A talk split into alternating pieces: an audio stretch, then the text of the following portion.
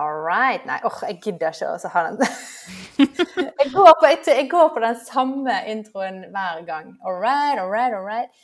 Kutt det vekk. Jeg, jeg vet ikke hvorfor, men hver gang jeg trykker på den record-knappen, så er det det som kommer. Sorry, altså.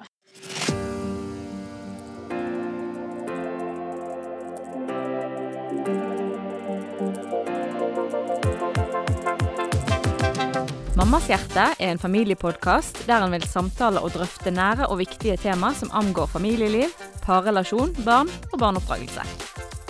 For mer av Mammas hjerte, søk opp på Snapchat, Facebook eller Instagram.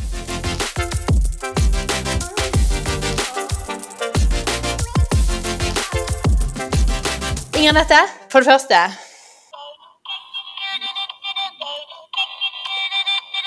Hører vi?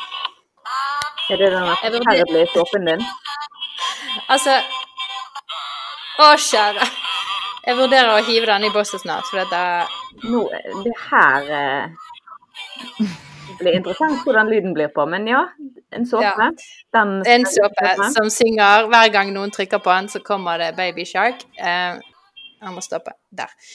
Jeg trodde det skulle være en hyggelig, eh, koselig gave til min sønns seksårsdag, men jeg angrer fælt. Er dette din jeg- egen skyld? Har du kjøpt det her frivillig? Nei, det er helt krise. Så det som er min, eh, mitt dilemma i dag, da, Inger Nette Nå kan jo eh, Julie få være med òg, siden hun har Ja. seg inn på introen. Julie, Så- nå må du være med på dilemmaet, så får de høre litt om hvem du er etterpå. Ja. Eh, jeg har et dilemma til dere, skjønner du. Eh, så jeg har tenkt det at eh, vil du ha, ville du hatt eh, denne eh, flotte sangen som eh, bakmusikk for eh, hele ditt liv, i alt du gjorde, så var det den som spilte. uh, så du hadde den på hjernen, og du hadde den som bakgrunnsmusikk. Eller ville du spist fiskepinner for resten av livet til alle måltider? Fiskepinner. Ja, fiskepinner. Var den enkel, den? Det er godt. Null stress. Altså, det er jo grådig kjipt. I hvert fall hvis det er det eneste jeg får lov å spise. Men uh, den sangen der, hele Ja. tiden Jeg tror jeg hadde havnet på et sinnssykehus. Og da hadde ikke jeg hatt på en måte noe spesielt glede av annen mat, tenker jeg, hvis jeg hadde vært Nei. Nei, det er et godt poeng. Ja, det er et godt poeng, faktisk. Så heller fred i hode og sjel, og så nyte fiskepinner til alle Bare ta det som bonus. Fisk, fisk er sunt. Uh, nei, men du, folkens, dere hører vi har med oss en festlig dame her på tråden. Uh, veldig gøy at du er med oss, Julie. For de som følger oss og ikke har uh, fulgt deg like eh, iherdig som vi gjør, eh, kan du Mhm. fortelle litt hvem du er? Oi. Stort spørsmål. På Instagram-bioen min så står det 'din rotete mamma' på Insta. og Jeg tror det oppsummerer det ganske greit. På dagen så er jeg tekstforfatter og studerer på Norsk barnebokinstitutt og legger ut tull på Instagram. Og på natta så sover jeg tre timer, kanskje. Nei, det er, hvis jeg er god med meg selv, så sover jeg litt mer, altså. Men uh, jeg skjønner ikke hvor mange tenner et barn skal ha, men det er alltid flere enn det som er. Så kanskje en gang om noen år så får jeg sove. Eh, ja, vi bor i fjerde etasje i Klassisk bygård i Oslo, og jeg har en mann, så har vi to barn. Kjempegøy at du eh, ville stikke innom, altså. Og vi skal jo dykke litt inn i, i noen bokstaver her som eh, Inger Nette kjenner godt til og er veldig glad i. Hva er det vi skal snakke om i dag, Inger Nette? Du, eh, nå har ikke vi laget noen sånn fancy tittel, men jeg tenkte i hvert fall skulle introdusere noe av grunnlaget for det vi skal snakke om. For de spesielt interesserte så ligger det en episode som heter 'Dust eller bare forskjellig'. En innføring i personlighetstyper, litt lenger nede på listen. Og den beskriver eh, det systemet som heter Jungs typologi, også kjent som Myers and Briggs. Og det handler om ulike personlighetstyper som jeg er sertifisert til å holde kurs i. Og i dag skal vi rett og slett dykke litt inn i det her med mm, det å være en person som tar avgjørelser basert på logikk, og en person som tar avgjørelser basert på følelser. Der Katrine representerer følelsesbiten. 100% Hun skårer 14 til 0 på følelser. Og jeg skårer 13 til 1 på logikk. Så meg og Katrine, vi har to ganger i vårt vennskap kranglet så bystende fyker. Og det gjør Det jeg egentlig bare med kanskje min mann og mine foreldre. Og mine barn, selvfølgelig. Men det må jo ligge noe inni der av eh, stahet eller et eller annet som For hadde jeg vært bare følelsesstyrt, så hadde jo ikke jeg gått inn i en krangel med Men deg. du må, huske Eh, at, du må huske at disse her bokstavene er hva du foretrekker. Det er ikke at Ja. du evner det motsatte. Men du foretrekker å ta avgjørelser basert på verdisystem og, og dette med følelser og, og harmoni og, og ja, sant? Og Sagt som en ekte logiker, dette med følelser. Ja, sant? Der har vi det. Akkurat det som du sa der. Mens Mm. eh, jeg foretrekker i 13 av 14 tilfeller å ta avgjørelser basert på logikk. Det blir ikke helt sånn omregnet, men i hvert fall jeg skårer 13 til 1 Mm. på det. Og du, Julie, Yes. du eh, skårer T. Jeg husker ikke hvor sterkt, men uh... Ikke heller. Det føltes rett. Mm. Og det som vi har så lyst til å, og vi syns er litt interessant, og vi bruker mye tid og snakker om, det er jo det at eh, mammamiljøet og det å være liksom hvor mye, Jeg vet ikke hvor mye prosent du pleier å si, Ingrid, dette, men du, det er veldig store prosenter av damer som scorer høyt på F, og færre som har T.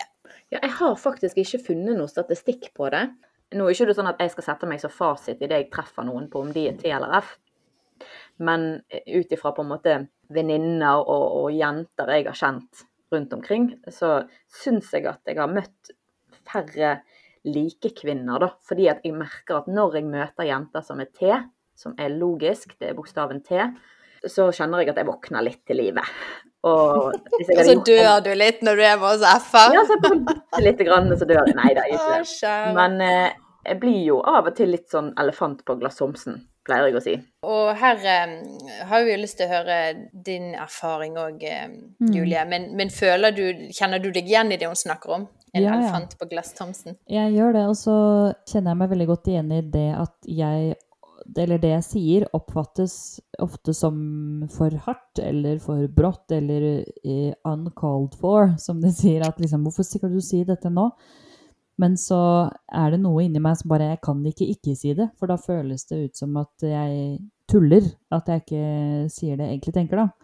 Og det er jo spesielt det du sier med eh, at man møter de sjelden. Jeg skjønte jo ikke at jeg møtte de sjelden før jeg ble eldre, for jeg tror hele vennegjengen min som jeg vokste opp med, var f-er. Alle, alle de jentene. Og jeg vet ikke om du har vært borti det, Ingrid om du har eh, sett en film med mange f-er, så har du veldig forskjellige eh, resonnement etterpå.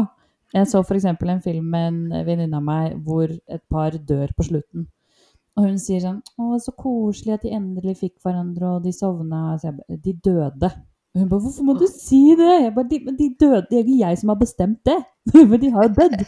Hun bare var helt sånn fra seg. Så skjønte jeg at da jeg ble eldre, så skjønte jeg at eh, det fantes flere som meg. Men eh, jeg mener å ha lest et sted, jeg òg, men jeg kan ikke si hvor, for jeg husker det ikke, at eh, det er færre Mm. kvinner med begge våre personligheter, da. Det med å være annerledes og føle at det er andre som er annerledes, hadde vært en, en sånn vond ting? Man føler seg annerledes, man føler ikke man passer inn, man, det er noe feil og noe galt med en. Vil dere dra det så langt? Ikke for min del, egentlig, men jeg er kanskje mer irritert over episoder der man på en måte bare prøver å snakke om det man sjøl anser som en sak, og så plutselig Mm. så handlet det om at jeg ikke likte noen, eller at jeg syntes at de var elendig dårlige til å ta avgjørelser. Mm. Og så var det egentlig bare at det går ikke an å bruke den, for det, det er ikke det vi hadde tenkt. Eller det, det, vi måtte ha blå. Og så bare plutselig handler det om at jeg ikke liker noen. Og da blir jeg så frustrert. Altså Opp gjennom årene så har jeg jo lært meg å forstå andre mennesker, og forstå at folk er skrudd sammen forskjellig. Så da har jeg jo, når jeg møter en som jeg tror er følelsesstyrt, eller i hvert fall mer følelsesstyrt enn meg, så pleier jeg jo av hensyn å ta en dans og si du, superflott at du hadde laget den. Det setter veldig stor pris på at du tok deg tid til det. Jeg tror kanskje at jeg skulle hatt den i rød, fordi at det hadde funket bedre med sånn, og så tar jeg denne dansen der, sant. Men det koster meg faktisk en del Mm. å gjøre det. Det krever ganske mye hvis jeg skal gjøre det hele tiden, hver dag til alle jeg møter. Det krever mye energi av meg. Mm.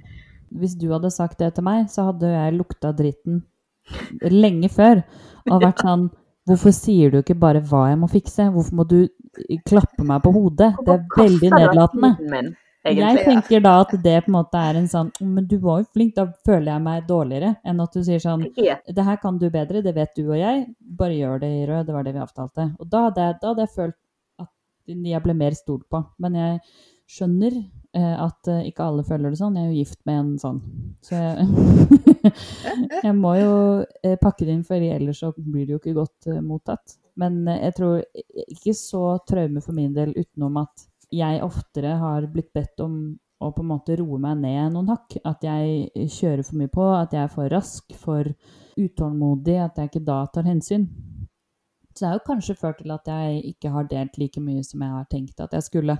Og det tror jeg avhenger veldig av åssen miljø man vokser opp i. Og jeg ser jo Nå er jo mine barn veldig små fortsatt. Vi snakker veldig mye om de stille barna.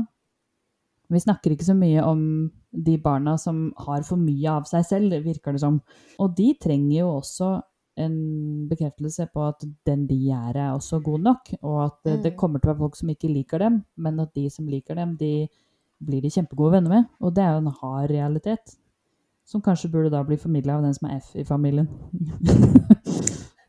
Du var jo inne på dette her med som mor å, være en T-mor, i motsetning til å være en F-mor, hvor vi F-er gjerne vi beskriver å, følelsene, ikke det fantastiske, og hva følte du når du fikk babyen på brystet, og hva Mm. De følelsene kan kanskje være eksplosive for oss F-er, da, kanskje. Og så for en type T-personlighet så blir det mer eh, Du elsker jo ungen like mye, du er jo like god mamma tilstedeværende mamma, men det er ikke så eksplosivt gjerne som, som vi opplever det, da. Og da, da er det jo viktig å sette ord på det og gi rom for at det òg er lov og er greit, og du er en god Mm. mor selv om du liksom Jeg opplevde veldig press rundt å føle de riktige tingene etter jeg hadde født. At jeg skulle være kjempeglad, og at jeg skulle elske det å sitte i en krok og bare stirre på babyen og elske å amme, alle disse tingene. Og jeg fikk høre hele tiden Jeg tror vi må slutte å legge følelser på andre mødre som har født, fordi vi tenker ofte at Eller samfunnet på en måte har fortalt oss det veldig lenge, at det er sånn vi skal føle det når vi har fått et barn. Men så syns jeg det var stress å amme, og jeg syns det var stress å ha noen så tett, tett, tett, tett på meg hele, hele tiden. Selv om jeg elska den ungen overalt på jord. mm, Så den første gangen jeg gikk en tur alene uten å ha dårlig samvittighet, var liksom da jeg skjønte at det er jo de andre som har sagt at det er sånn det Mm. skal være. Men det kan se forskjellig ut. Og det tror jeg kan føre til eh, ganske mange konsekvenser som ikke er så heldige. Altså, det er ikke bare ensomhet eller lite søvn eller andre ting som fører til fødselsdepresjon. Det er jo forventningene også som ligger rundt, og forventningene til det man trodde det skulle bli, da. For eksempel i graviditeten så husker jeg at jeg fikk en del sånne spørsmål, eller uttalelser, da, som var liksom sånn Å, ja, men er ikke det fantastisk? Du har på en måte en person som er en del av deg, og sånn og sånn. Og jeg bare Det er vel en egen person som bor Mm. inni meg, som jeg Mm. håper kommer ut nå snart. Fordi at jeg er drittlei av at den personen bor inni meg. Og Mm. jeg eh, kommer til å bli glad i den personen. og men jeg, jeg kjenner han jo ikke. Han bor der inni. Og han er festet fast i meg med en, en sånn snor som man får mat i. Men utover det så på en måte var ikke det en sånn Å, så fantastisk. Liksom, det var bare en sånn Ja, det bor et menneske inni meg som skal ut, og som jeg skal ha et forhold til resten av livet. Og det blir spennende å bli kjent med han, og så, så får vi se. Men jeg hadde heller ikke noe sånn Jeg hadde separasjonsangst. Det tror jeg nesten kommer hormonelt. Jeg syntes det var vanskelig å gå fra han. Men eh, jeg tror ikke jeg fikk noen sånne voldsomme følelser før kanskje det var gått seks-syv måneder, kanskje, etter han var født. At Mm. da begynte jeg å bli liksom sånn Men det handlet litt om at han begynte å gi litt sånn respons. Sant? At det begynner å bli liksom litt med i. Altså, du får et forhold til, til ungen. Så for Mm. meg var det litt sånn nødvendig før jeg Og det betyr ikke at jeg ikke tok meg av han, og at jeg ikke på en måte kjente en tilknytning. Men jeg hadde ikke så voldsomt mye følelser. Mer denne forelskede følelsen kom kanskje litt mer etter et halvt år. Jeg pleier ofte å si at Espen hadde vært en mye bedre fødeperson enn meg. Fordi han elsker å bygge rede, han elsker å dulle og dille og dalle, og han har så god tid. Det er jo på en måte kanskje en av de største som Altså, du som har tatt, tatt testen på meg, du vet jo det. at jeg, jeg har ikke tid til noen ting. Jeg vil jo alltid fremover, jeg vil alltid nye ting. Hater å på en måte dvele ved å gå i samme ring om og om igjen. Og det er jo bare det nyfødtperioden er, å gå i den samme ringen om og om igjen. Så når med en gang ungen begynte å vise noen form tegn for utvikling, og det er kanskje min fallgruve som forelder, at jeg elsker de prosjektene, og jeg elsker alt som går fremover. Og jeg fulgte jo disse utviklingsstadiene til punkt og prikke og hadde sånn treningsleir. Og jeg syns jo det er kjempegøy. Ja. Alt som er et prosjekt. Men den dillingen og dullingen, det tror jeg var en, en god læretid for meg, men veldig utfordrende på min innerste person, liksom.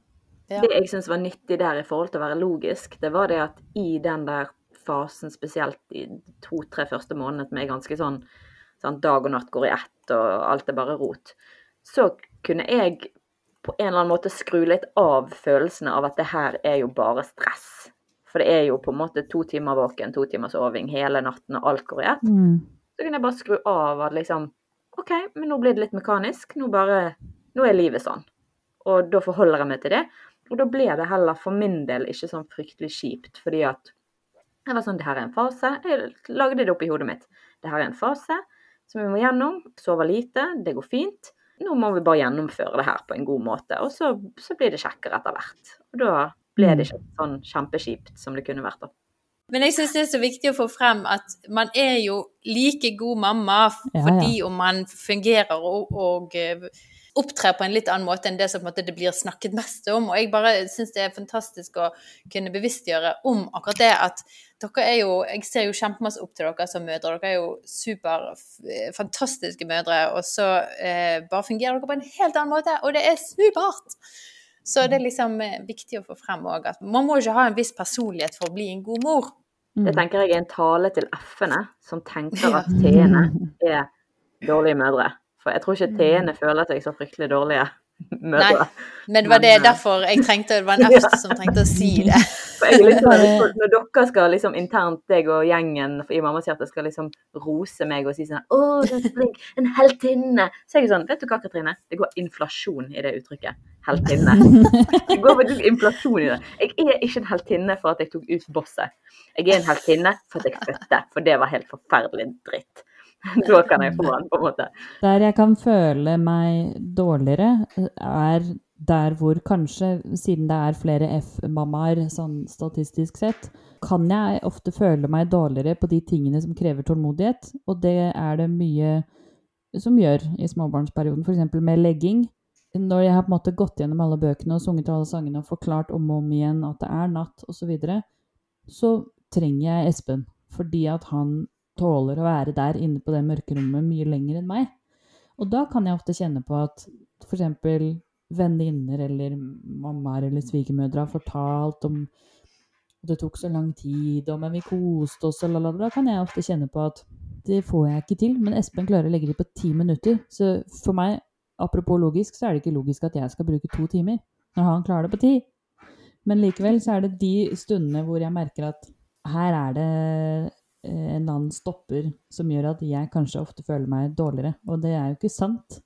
Men det er bare fordi de er, det er de eksemplene du ser. At det er mødrene Ja. klarer å roe de ned, osv.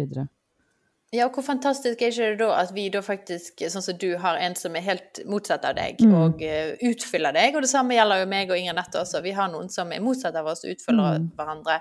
Eh, Så vi kan være bredere som foreldre. Jeg opplever jo akkurat det samme i forhold til vår mellomste, som det klinsjer støtt og stadig med, for hun er en F, hun også.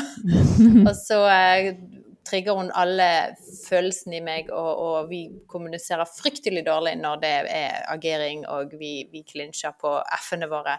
Da kan min mann komme inn og fungere supert logisk, for da bare går han rundt på baksiden, inn, inn sånn eh, dør på baksiden, og bare takler hun på en fantastisk måte. Så der mener jeg vi må spille hverandre gode da, i, eh, som foreldre. Og ikke tenke at vi skal være perfekte på alle områdene, for det Mm. kan vi ikke. Jeg eh, har tenkt på en ting, eller reflektert rundt en ting i forhold til det her med det som jeg sa med å være liksom elefant på glass Thomsen, da, så man kanskje opplever at ja, man må liksom moderere seg litt i forhold til hva man kan si og ikke si. Og det er jo veldig fint å ta hensyn til andre mennesker, men det det for meg koker ned til, er ofte ting som at hva er det man verdsetter høyest? For min del så verdsetter jeg ærlighet og rettferdighet høyere enn harmoni. Mm. Og det gjør at hvis det skjer noe som er urettferdig, så vil jeg bryte den gode stemningen for å opprette rettferdighet igjen. Mens du, Katrine, vil kanskje tåle mye mer urettferdighet for å bevare harmonien. Sånn at det er ikke nødvendigvis alltid sånn at det er noe som er rett eller galt, men det handler om hva verdi man setter høyest i Mm. en situasjon. Og der Mm. trenger man begge deler, for man trenger harmoni. Man trenger de som stifter fred, men man trenger òg de som kommer med rettferdighet og sannhet. Veldig bra. Enig. Ja, det var veldig bra, var ikke det? Ja, ja, det var Jeg veldig var bra. veldig Jeg tenker, med det. Jeg tenker ofte på det at eh, jeg, jeg liker egentlig den typen mamma jeg er. Og så må jeg på en måte ofte bekrefte at det er bra at jeg gjør det, og at ikke det liksom er noe gærent med det. Jeg lærer ungene mine å være ganske uavhengige og snuse frem urettferdighet. Og så lærer mannen min dem alle de andre tingene. Man kan jo ikke lære vekk noe man ikke har og er sjøl. Mm. De sa faktisk det på det kurset at eh, hvis to stykker finner hverandre som er veldig like, så vil de sannsynligvis få det til å skli veldig godt. Men hvis to stykker som finner hverandre og er veldig ulike, så må de jobbe for det, men det vil få en helt annen bredde. Og da Mm. tenker jeg i forhold til barn òg, så vil jo de, hvis de vokser opp med foreldre som er veldig, veldig ulike, så vil jo de sikkert få en større bredde i forhold til hva de ser. Og de vil Mm. kanskje òg bli forstått på en annen måte. Det er mer stress for foreldrene, fordi at de må jo på en måte kjempe seg gjennom oppdragelsen og uenighetene de imellom fordi de ser ting forskjellig. Men at barn kan oppleve at forskjellige måter å tenke på er greit. Jeg husker når jeg skulle begynne på jobb igjen, så eh, gjorde jeg kanskje det smarteste valget eh, jeg har gjort, og det var å ikke fortelle Espen noen ting om våre rutiner eller om hva babyen trengte. Jeg stakk på jobb, og så slapp jeg å ha kontroll, og han slapp å spørre meg om noe som helst. Han hadde nok mye større behov for å spørre enn jeg hadde for å fortelle han. Men da kan jo ungene våre to forskjellige rutiner med to forskjellige foreldre. Eh, og det samme tenkte jeg på med det at man er lik eksempelvis hvis vi går en tur, så er jo jeg like nysgjerrig som barna. Hvis vi hører noe rundt neste sving, så er jeg nesten raskere rundt hjørnet for å se hva det var som smalt, enn det liksom ungene er. Og jeg elsker å fjase, elsker å tulle. Men de ungene trenger jo også å roe ned, og de trenger noe annet i tillegg. Men uh, den fjasen og den nysgjerrigheten Jeg tror jeg har en ekstra sånn uh, tanketenke å få med meg inn i den derre hvorfor det-alderen. For jeg tror faktisk de kommer til å bli lei før jeg blir lei av å svare på hvorfor det. Jeg lurer på akkurat det samme som de lurer på. Hvorfor er himmelen blå? Jeg har ikke peiling. Det må vi finne ut.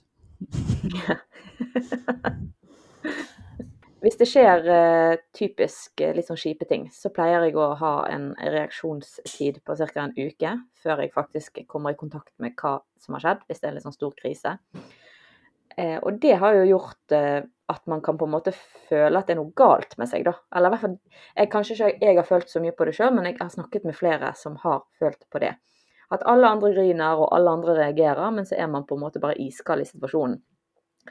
Eh, og det tror jeg òg generelt at jeg kan høre om ganske forferdelige ting som ikke angår meg, og ikke få noe følelsesmessig reaksjon på det. Jeg kan sette meg ned og grave det fram. Det er ikke det at det ikke fins, men jeg kan òg blokke det ute. Og da kan man jo på en måte tenke guri, er jeg liksom er litt kald? Eller sånn, Mm. er jeg litt kynisk? Bryr jeg meg på en måte ikke om Men jeg tror jo at man må se det liksom fra andre siden, da. At hvis alle faller sammen samtidig i en krise, Mm.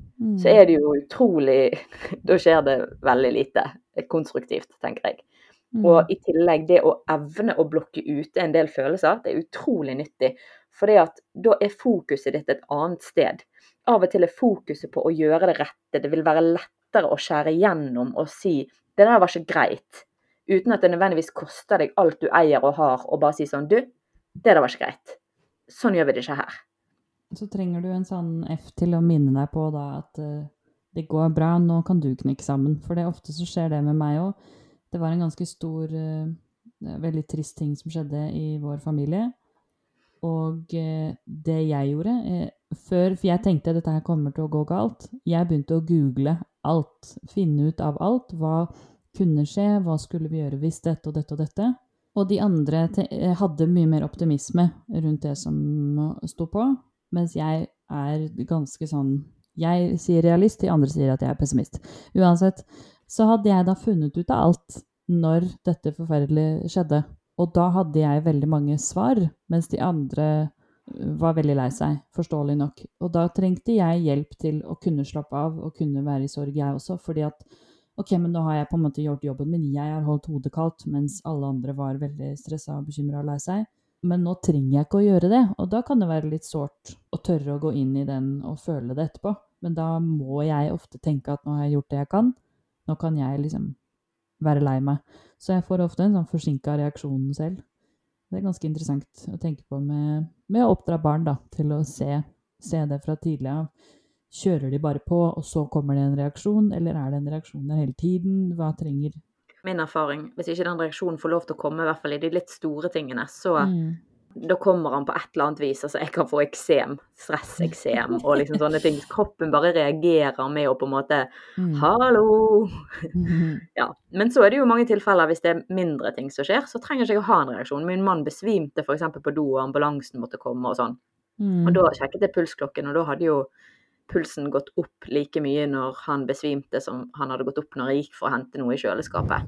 Og når det viste seg et- i etterkant at han bare hadde hatt et blodtrykksfall pga. Mm. at han nettopp hadde operert, så fikk jeg aldri noen reaksjon på det. at det var jo ingenting å reagere på. Jeg hadde fått beskjed om at det var et blodtrykksfall, det var helt ufarlig. Og reaksjonen min Jeg fikk ikke tid til å ha noen reaksjon, fordi det var ingenting å reagere på. For å på en måte eh, forklare litt, gi noen tips og råd til oss F-er. Hvordan skal Mm. vi eh, snakke, kommunisere, ta imot og gi beskjeder for at det skal skape mer rom og plass for en T-personlighet? Og jeg har tre ord. Kom til poenget Oh. når du skal gi tilbakemelding. Fordi at hvert fall hvis, selvfølgelig Hvis du skal gi en tilbakemelding som er veldig sår, eller sånne ting, så trenger jo alle liksom at du på en måte ja, Man trenger ikke være ufin. Det, det hjelper ikke mot TR heller. Men, men hvis du skal gi meg en tilbakemelding Katrine, på noe jeg har gjort, eller noe jeg har levert, eller et eller annet jeg har skrevet Hvis du holder en lang tale om hvor fint et eller annet inni der var, så bare mister jeg interessen. Det var akkurat som Julie sa, liksom. Hva er det egentlig du vil nå? Eller hvorfor tror du at jeg ikke tåler å høre det? Nå, jeg føler meg misforstått, rett og slett. Jeg føler TR er gode bullshit-detektorer. Altså, eh, vi merker allerede før den talen er ferdig at du ikke likte det. Og da føles det ikke ærlig. Og når du setter ærlighet så høyt, så føles det ut som et skuespill, da. Og da begynner jeg å tvile på alle de andre tingene som blir sagt. Fordi jeg vil heller ha en ordentlig negativ, konstruktiv tilbakemelding. Fordi da stoler jeg mye mer på komplimentene også. For da vet jeg at da legger ikke du et kompliment som en sandwich. Da sier du et kompliment fordi det mente du. Åh, det er så bra. Og derfor kan jeg også si til F-ene at sier en T noe positivt eh, til deg, og noe som er ros og et kompliment, så er det helt 100 ærlig. Fordi at det er så vondt å ikke være ærlig på det. Og i hvert fall jeg har eh, umulig for meg å ikke si ting når jeg mener det. Sånn som jeg sa, ikke la det gå inflasjon i komplimentene. Fordi at hvis på en måte man skal få sykt mye ros når det ikke føles, føles som om man har fortjent det Katrine er superflink til å backe folk, og jeg opplever det veldig genuint på- på mange tidspunkt.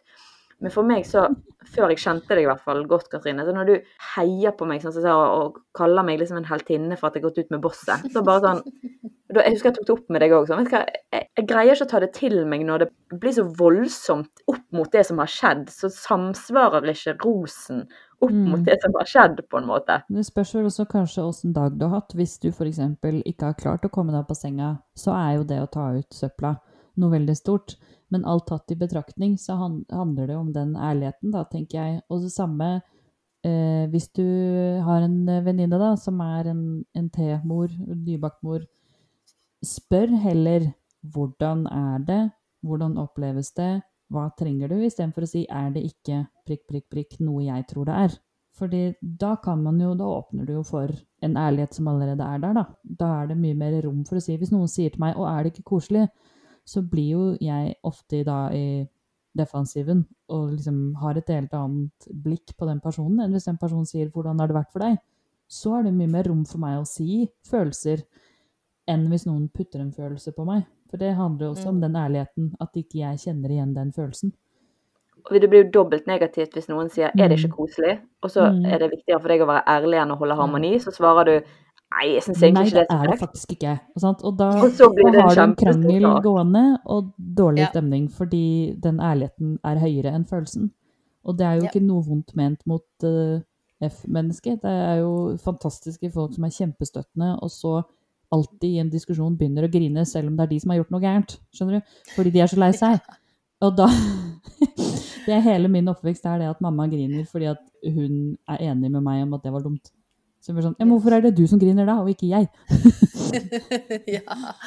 Jeg, jeg hører alle de, den, på en måte, den normen som er blitt av på en måte, og hvordan vi snakker til hverandre, hvordan vi forventer at ting skal være. Men så er det jo veldig mange som føler at de ikke passer inn. Sant? Det kan gå i konflikt med hva man sitter og føler, og det kan jo bli en, eh, en livskrise det også, hvis man på en måte ikke får eh, Jeg sitter ofte på jobb faktisk og humrer for meg sjøl når jeg hører dialogen i gangen, som jeg syns er helt uproblematiske. Den dagen så var det en som sa sånn 'Slutt å sutre, kall inn til et møte.' Og så gikk han bare videre. Og mottakerne, det er bare 'Ja, greit'. Det er så mange dialoger. Jeg har bare tenkt sånn 'Å, hvis dere bare kunne vært flue på veggen, alle dere f-er', og sett Mm. hvordan kulturen er her oppe, så hadde dere blitt fascinert over kontrastene i mitt liv. Mellom Jeg tror ikke det er så mange f-er som jobber i, i Jo, vi har en del, faktisk. faktisk. Men jeg vet at noen av de har syntes at det har vært veldig krevende før de Mange som har Ja. sterke følelser eh, i Vegvesenet, i hvert fall. Ja. Om de er den ene For veien. Ja, for veien. Ja. I forhold til hvordan eh, tilpasse seg. For det er jo noe med at man skal ikke eh, Som jeg snakket om litt i sted, dette med å legge bånd på seg sjøl og forandre hvem man er og hvordan man er, det syns jeg ikke er riktig. Jeg syns jo du Ingrid, er kjempegod på det, og du, du blir jo litt frustrert av og til når du må være i et F-miljø frustrert av og til. og ringer til meg og, og peiser litt ut av og til eh, fordi at ah, skal du aldri få lov å bare si det som det er? Men, men hva, hva er det du, hva triks er det du gjør når du skal snakke til F? Jeg tenker what would Katrine do? emoji, Neida. emoji, emoji. Emoji, emoji. Nei, jeg tror nok at jeg bare veier mine ord. Altså, jeg skriver mye og hvisker mye tilbake igjen, egentlig. Eh, Men jeg syns det er en, en som jeg har lært eh, etter at vi, vi kom i selskap sammen, eh, så er jo denne sandwich. Jeg har ikke tenkt over det før, men, men det med når man skal levere en beskjed, så skal det være noe positivt, og så kan du komme med den konstruktive tilbakemeldingen, og så skal det være noe positiv avslutning. At man gir det som en hamburger, rett og slett. Ja, men da det, det som er viktig for meg i det hele, er jo på en måte at det som jeg sier som er positivt, det må være ekte. Hvis jeg da ikke har noe positivt med det som f.eks. er blitt levert, så må jeg gå rett på det med person og si sånn Du er en skikkelig flott person. Og det kan jeg jo mene. En skikkelig flott person, og jeg bryr meg veldig om deg. Og jeg vil at du skal ha det bra. Altså de tingene der kan jeg hente frem. Eh, og så kan jeg si men, men det som skjedde akkurat i dag, eh, tenker jeg at eh, vi kunne gjort det annerledes. Eller noe sånt. Også, men jeg vil bare at du skal vite at jeg verdsetter veldig den Mm. innsatsen du har gjort, og sånne ting. Jeg kan ikke si sånn Det og det var kjempebra. Hvis jeg syns at på en måte alt var dårlig, så er det helt Mm. det, det går så på kompromiss med mine verdier å skulle lyge eller pynte på det i den grad at ikke det stemmer. Men det positive med det er jo at man kan stole veldig på det som ble sagt, sånn som Julie sa. Man kan Mm. stole, man kan ta mitt ord for det. Og hvis jeg sier at nå er ikke jeg sur lenger, eller nå er det ikke noe mer, da er det ikke noe mer. Eller det der med 'it's not about the nail', at ikke vi som er eh, mer te, eh, kommer med løsninger eller logiske forklaringer på hva F-en føler. Og faktisk lytter til hva F-en føler, og ikke påpeker at det er en spiker i panna, og det er derfor du har vondt i hodet, men at du faktisk bare hører på 'jeg har vondt i hodet, jeg har hatt det forferdelig i dag, eh, det har ikke vært greit', og ikke komme med den løsningen, fordi at det er ikke poenget. Det er den fella jeg oftest går i, fordi at jeg har, føler ofte at jeg har løsningen, og jeg mener også at jeg har det 90% av tilfellene, men det er jo Mm. ingen liker en eh, sånn hovmodig sånn bare gjøre sånn der'. Det er det ingen som liker. Det liker ikke jeg heller. Det tror jeg er fellen som vi ofte går i. At vi med en gang sier sånn 'Du må bare gjøre sånn'. Det er ikke noe gøy. Den har meg og min mann fått øve oss noen ganger på. Så eh, vi er blitt eh, bedre og bedre på det. Men der kan jo jeg òg, når jeg er på en måte går ned i den jeg kaller fjerdefunksjonen, som er min, min følelse, den undertrykte funksjonen, fordi at jeg er så sterk på logikk, så er jeg dårlig på følelser. Kort oppsummert. Men når jeg går inn i følelsene og er lei meg eller sånne ting, så kan jo min mann, som er en mann, gå inn i fiksemodus. Og da må jeg være den som sier at eh, nå trenger jeg ingen løsning. Jeg er bare sur. Jeg må bare Det, det der er jeg litt uenig i, for det er ofte eksemplene kommer med sånn i alle de der det er følelser og ikke-følelser, så er det alltid en mann og en dame, så er det alltid dama som sitter og liksom Og så syns jeg det er så urettferdig, fordi at eh, ja, eh, mannen min er fiksete, men det er jeg som alltid tenker på løsningen på problemet hans som han ikke har bedt meg om å løse. Så jeg syns ikke vi skal putte noen inn i det mønsteret, selv om det ofte er sånn, for det er på en måte med på disse generaliseringene som eh, vi kjenner på, da, i Mm. våre morskap og osv. Det er et veldig godt poeng. Men han er i hvert fall en sånn type, da. Det, ja. Som liker å fikse problemet. Men han er jo mye flinkere enn meg til å lytte, på, lytte til bare følelser, da. Det er han jo. Men når jeg går i følelsene, da går han i fiksemodus. Og da syns jo jeg òg det er irriterende. Det vi eh, har kommet frem til i løpet av det, denne lille praten, er jo det at eh, man er like god mor om man er en T eller en F. Poenget er at det må være rom for å være ulike typer foreldre, og at vi heller kan lære hvordan vi presenterer de tingene vi sier, på en litt bedre måte enn er det ikke et eller annet jeg føler. For å gjøre oss bedre forstått hos den andre, så, så trenger vi å lære hvordan presenterer vi det som vi tenker vi føler, eh, sånn at det blir mottatt på rett Mm. måte. Jeg tror vi skal gå mot eh, landing. Um, hva sprell ligger det for Julie fremover i tiden? Er det noe nytt som skjer på Julie-fronten? Nei, nå er det jo blitt lov å gå på kafé igjen, da. Det er jo sabla spennende å gå på kafé, da, dere. Jeg vet ikke, det er liksom så utrolig lite som skjer i, i livet. Sånn spennemessig. Det er kanskje derfor jeg blir så ko-ko på Instagram. Fordi Ja, jeg blir Det er der du innelåst. Det, det er der du får komme ut. Det bare forsterkes. Men til glede for oss alle, så, så, så vil jo vi anbefale alle våre lyttere å sjekke ut alle moroa som Julie legger ut på Instagram. Mm. Uh, og der het du Julie Valso. Det var noen som trodde det var Julie av Oslo, men da tenker jeg da har du lest litt eh, fort. Ja, det ble litt tungt. Men vi kan legge ved navnet ditt, så finner de deg i beskrivelsen på podkasten. Mm. Jeg tror en av mine favoritter er den der når du Jeg husker ikke hvilken sang det er, men det er en sånn veldig kjent sang, så, så bare forflytter du deg ut av sengen, bort og henter koppen. Altså Mm. Å sånn lag- jeg bare er liggende hele tiden. Ja, liggende hele tiden. Og Da hadde jeg vært en heltinne hvis jeg hadde tatt ut søpla den dagen. Det var en sånn dag, det, ja. Tusen takk, Julie, for at du tok deg tid til å prate med oss. Så, så da må du bare lykke til videre med alt sprell og spilloppen du finner på Ja, dere også. borti Oslo. Ja, for det har ikke vi snakket om, for du er jo egentlig fra Jeg er fra Ytre Arna. Så jeg eh, er egentlig litt grann stril, hvis jeg får si det slik.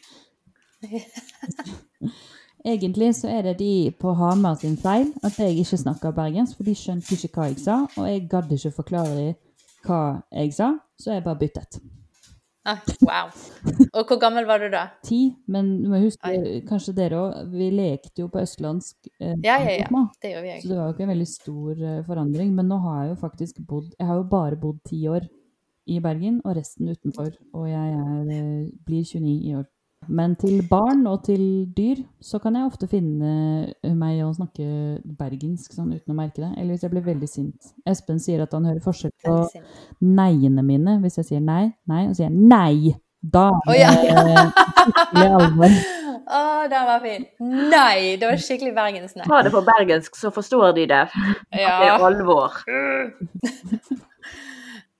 Da eh, avrunder vi praten for i dag, og så eh, sn snakkes vi, lyttes vi i neste episode. Ha det!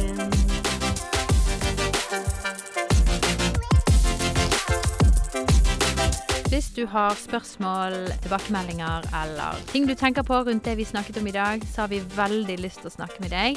Du kan kontakte oss på Snapchat, Instagram og Facebook. Der svarer vi alle meldinger. Så skriv oss en melding. Vi har veldig lyst til å chatte litt med deg.